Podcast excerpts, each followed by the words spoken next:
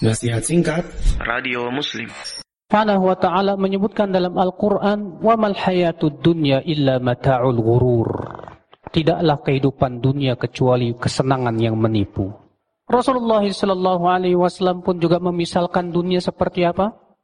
Bangkai anak kambing yang cacat yang tidak ada harganya sama sekali di hadapan kita semuanya.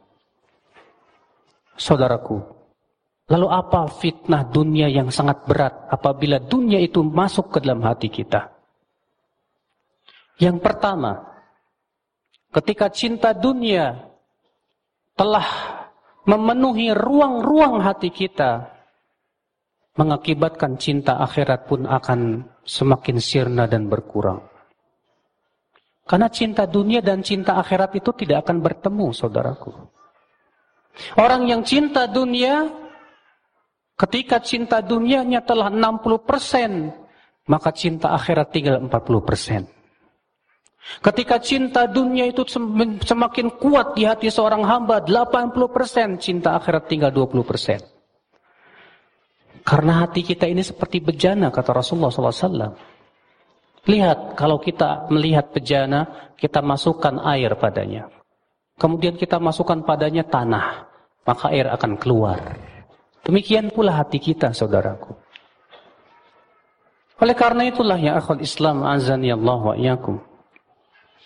Orang yang memenuhi ruang-ruang hatinya dengan cinta dunia, berkuranglah dan sirnalah cinta akhirat di hatinya. Akan terlihat orang-orang yang hatinya telah dipenuhi dengan cinta dunia itu ternyata lebih semangat kepada dunia. Ketika dipanggil kepada kehidupan akhirat, terasa berat bagi dia. Ketaatan menjadi berat dalam hidupnya. Tapi ketika ia dipanggil kepada keuntungan dunia, maka ia semangat sekali saudara. Ia lebih tertarik dengan iming-imingan dunia daripada iming-imingan akhirat. Di saat dipanggil hayya 'alas shalah, hayya 'alal falah, Berapa gelintir orang yang datang ke masjid. Tapi ketika diumumkan sebelum sholat, nanti setelah sholat akan ada pembagian setiap orang 2 juta. Kira-kira gimana Pak? Mungkin masjid sudah penuh sekali Pak. Lihat, ia tidak kurang tertarik dengan mengucapan hayya alal falah. Mari kepada keberuntungan. Pada keberuntungan akhirat itu lebih besar saudaraku.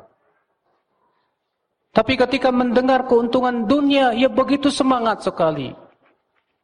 Itu menunjukkan bahwa cinta dunianya telah begitu besar di hatinya, saudaraku.